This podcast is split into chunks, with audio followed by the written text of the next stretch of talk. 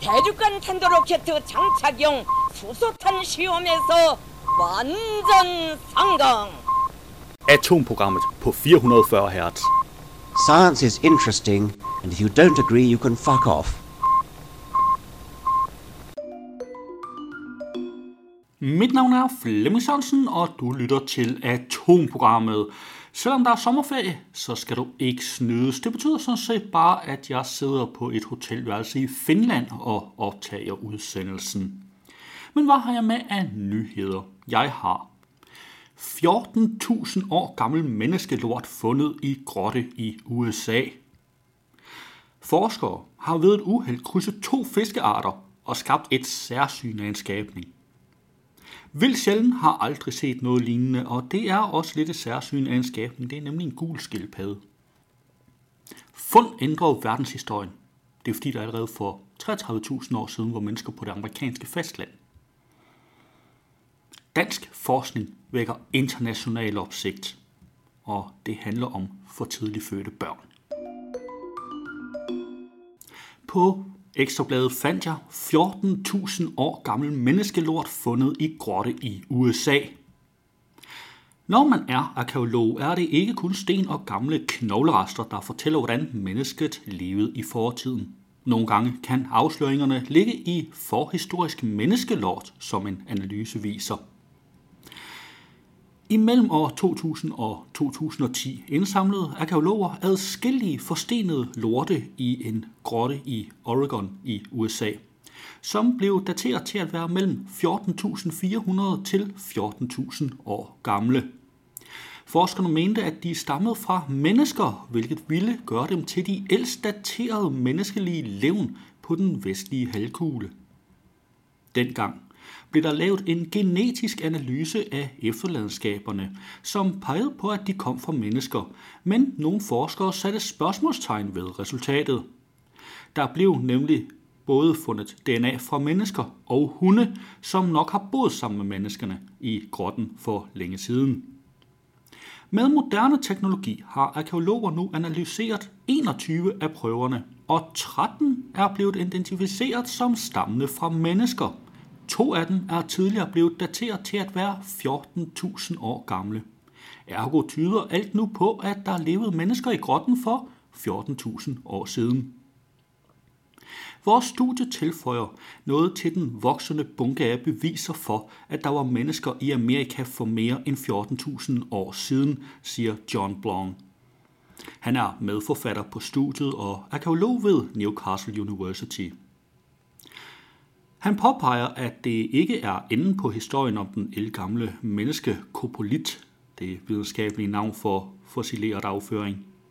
Det næste skridt bliver at analysere efterladenskabet for at finde ud af, hvad disse tidlige amerikanere spiste. Hæng på for mere spændende forskning fra grotterne, siger forskeren. Du kan naturligvis finde et link til artiklen i show notes.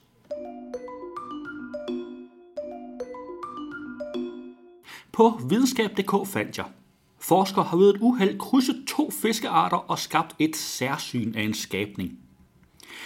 Diamantstøren og den amerikanske spadestør er to vidt forskellige fisk, men åbenbart ens nok til, at de skaber lidt af en Frankenstein-fisk, når man parer dem. En forsker fra Ungarn er kommet til at gøre netop dette. Han har ved en fejl krydset sæd fra en spadestør med æg fra en diamantstør i et laboratorie. Og livet ville frem. Nu er der så blevet udklækket en mærkværdigt udseende hybrid af de to arter, og der er blevet udgivet et videnskabeligt studie om svipseren. Jeg var nødt til at kigge en ekstra gang, da jeg først så det. Jeg troede simpelthen ikke på det. Jeg tænkte, en hybrid mellem en diamantstør og en spadestør, det kan simpelthen ikke lade sig gøre siger Solomon David, der er adjunkt ved Department of Biological Science på Nicole State University i USA. Han er ikke selv en del af forskerne bag studiet. Umiddelbart er far- og morfisken ellers helt forskellige, ja umulige at parre, skulle man tro. Diamantstøren, hvis æg bruges til at lave kaviar, er en kødæder, der jager skalddyr og mindre fisk på bunden af floder over hele kloden. Den amerikanske spadestør er til gengæld en planteæder, der filtrerer plankton igennem sin mærkværdige lange snude fyldt med sansesensorer. Den ene ligner ved første øjekast en glat sværfisk, mens den anden har takke og tyngde som en stegosaurus.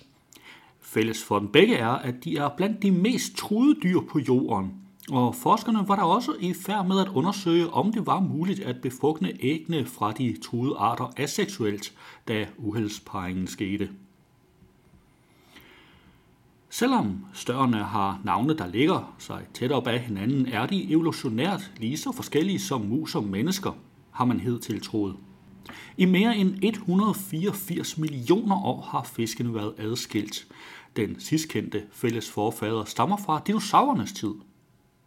De mere end 100 nye fisk, der er kommet ud af den romantiske forening mellem sæd fra spadestøren og æg fra diamantstøren i et laboratorie, har træk fra begge arter – de har munde og er kødædere som deres mødre, men flere har også deres fars snuder og finder, bare en anelse mindre.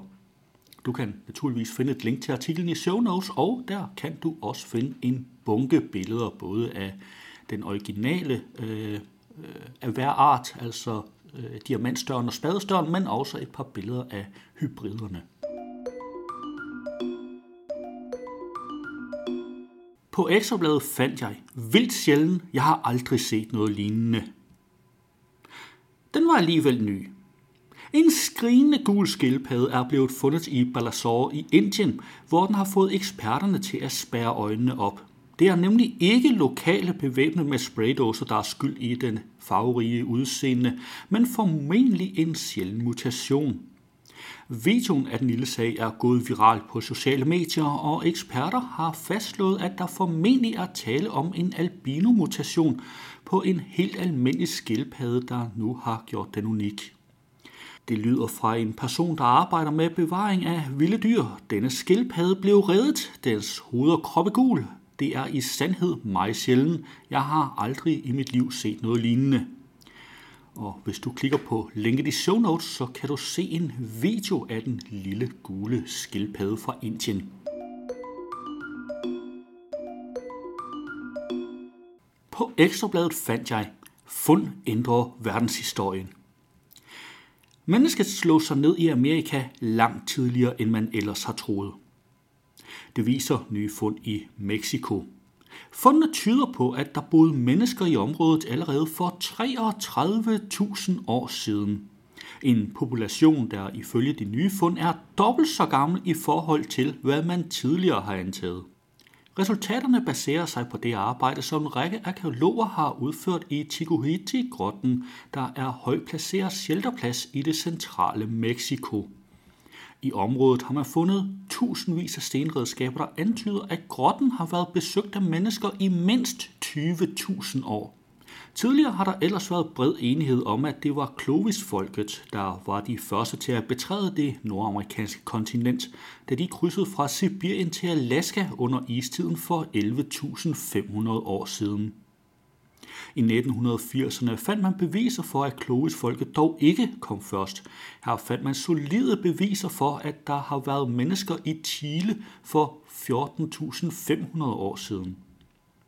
Siden år 2000 har man fundet flere andre beviser for folkeslag, der kom før Clovis-kulturen. Blandt andet i Buttermilk Creek, Texas, hvor man har fund, der strækker sig mindst 15.500 år tilbage men alle de ovennævnte bliver nu slået af de massive fund i grotten. Det er et helt unikt område. Vi har aldrig set noget som det her før, siger professor Tom Higham fra Universitetet i Oxford, der sammen med meksikanske kollegaer har været med til at gøre de opsigtsvækkende fund.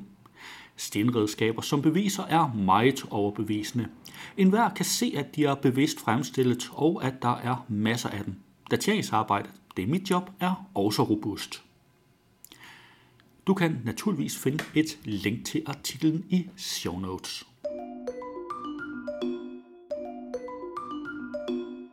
På BT fandt jeg, dansk forskning vækker international opsigt. En undersøgelse fra Rigshospitalet og Statens Serum Institut viser et dramatisk fald i antallet af ekstremt for tidligt fødte børn i Danmark i en del af den periode, Danmark har været lukket ned på grund af coronakrisen. Et fald på ikke mindre end 90 procent i forhold til samme periode de foregående fem år. Nu er forskningsartiklen blevet såkaldt fagfællesbedømt, altså peer-reviewed, og godkendt til meget snart at blive publiceret. Vi er de første i verden, der har rapporteret det her, og det er interessant, at det har vist sig, at man på baggrund af opdagelsen har undersøgt det samme i blandt andet Irland, Australien og USA, hvor man flere steder har konstateret samme tendens, siger Morten Breindal, ledende overlæge på neonatal afdelingen på Rigshospitalet. Der er dog også lande i verden, som ikke har kunnet konstatere samme fald, men ingen har set en øget forekomst af ekstremt for tidligt fødte børn under nedlukningen af visse samfundsfunktioner, siger Morten Breindal. Det helt centrale spørgsmål og mål med den videre forskning, der bliver gennemført den kommende tid, er at udelukke oplagte naturlige forklaringsmodeller på fundet, samt derefter at finde frem til den eller de konkrete årsager til, hvorfor der har været så dramatisk et fald, så man ud fra den nye viden kan forebygge og dermed nedbringe antallet af ekstremt for tidligt fødte. Vi har en formodning om, at de adfærdsændringer, vi har haft i coronatiden, med blandt andet øget fokus på hygiejne, mere ro og mindre stress, kan have haft en forebyggende effekt, men det er for tidligt at konkludere noget endnu, siger han videre. Der er etableret et forskningssamarbejde mellem børnelæger, fødselslæger og jordmødre, som sammen med Statens Serum Institut nu skal se nærmere på disse mulige forklaringsmodeller. Det er i sig selv opsigtsvækkende, at holdet af danske læger allerede i slutningen af maj, inden forskningsartiklen var blevet peer-reviewed og endnu ikke publiceret i et videnskabeligt tidsskrift, gik ud offentligt og fortalte om opdagelsen. Det er usædvanligt, ja, men vi har ment, at det var så vigtig en iagtagelse, at det skulle ud hurtigst muligt. På den måde har vores kollegaer rundt om i verden fået mulighed for så tidligt som muligt at undersøge samme problemstilling i deres lande. Og det har vist sig, at tilsvarende fald er konstateret i flere andre lande. Nu handler det om konkret at finde ud af, hvad årsagen er, siger Morten Breindal. Det danske studie omfatter undersøgelsen af blod fra en haleprøve fra 31.180 nyfødte. Ekstremt for tidligt fødte børn kommer til verden tidligere end 28. uge i graviditeten. Og du kan naturligvis finde et link til artiklen i show notes.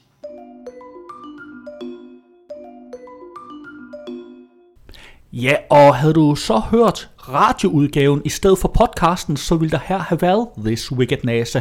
Men vi har kun tilladelse til at sende den i radioen, ikke i podcasten. Du kan dog finde et link til den i show notes. Det var jo, hvad jeg havde for i dag. Vi løs ved næste uge, samme tid, her på kanalen.